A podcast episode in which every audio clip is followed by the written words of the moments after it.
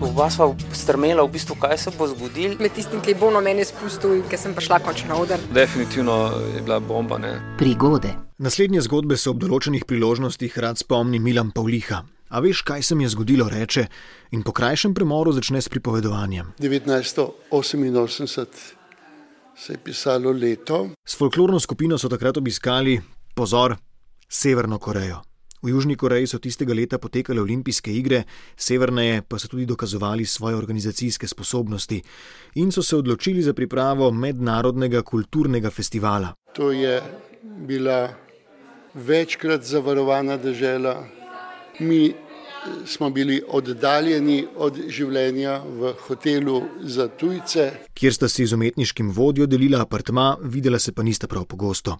Milan se je ob jutrih namreč odpravljal na tek, kolikor se je to pač dalo početi v državi, kjer zunani opazovalci ne smejo videti preveč. Blizu tega hotela je bila ena tovarna in pred začetkom dela so telovadili zunaj na vrtu, seveda zvenci okrog vratu in so naj jo povabili.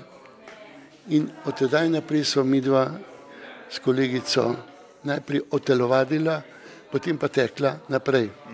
Zanimivo je to, da smo mi dva pod temi okni teh blokov, okna zelo majhna, velike stavbe, na vides podobne evropskim stavbam, ampak okna zelo majhna.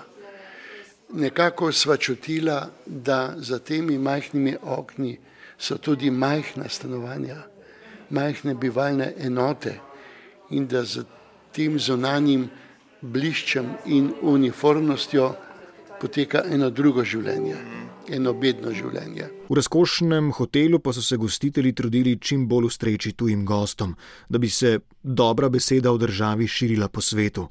Z namero seveda niso preslepili nikogar. Trgovine za domačine so pa take, kot so bile v Jugoslaviji po drugi svetovni vojni, ne? velik prostor, uh, pa nič notri. Beda vsakdanjega življenja prebivalstva je bila v popolnem nasprotju z razkošjem krinko v hotelu.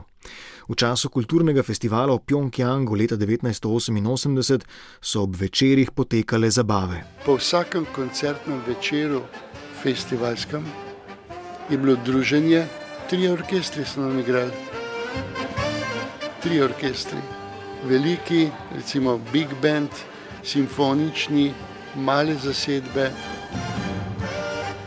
narezki, prehrana in ambient, to je bilo vse mislim, v zvezdicah.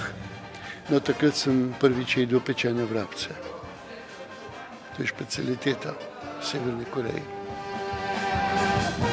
In nekega večera tam eh, ob sedim ne, pri našem omizju in pride en tovariš iz sosednje mize, korejc, do mene, zakaj pa vi ne plešete? Jaz sem rekel, nimam plesavke. Nimam so plesavke, je rekel, prišel pa je s folklorno skupino. Taktiziranje, ki se je obrestovalo, mu namreč odgovori tisti severnokorejski uradnik takole. Prav bom jaz vam pripeljal plesavko. In mi pripelje v belem, črnolaso, torej, da te kap zadane, lepotico. Pozor, prima dono Pjongjanske opere. S katero so preživela torej, tja do jutranjih ur, koliko so trajala ta druženja. Do treh po noči sta plesala. Sva plesala vse plese, ne te plese, kjer se plesalca ne dotikata, ne. romantične plese, kjer se plesalca tudi približata en drugemu. Skratka, je bila med plesom kemija. neka kemija, ja, neka intima in to ti ostane. Pa zgodbe, ki so ostale vam, nec.jemec na rtvslo.si, lahko pa tudi na nič 1475 2202, nepozabne, komaj verjetne, smešne, pomalem poučne zgodbe, skratka, ki jih boste ne na zadnje pripovedovali tudi danes na petkov večer.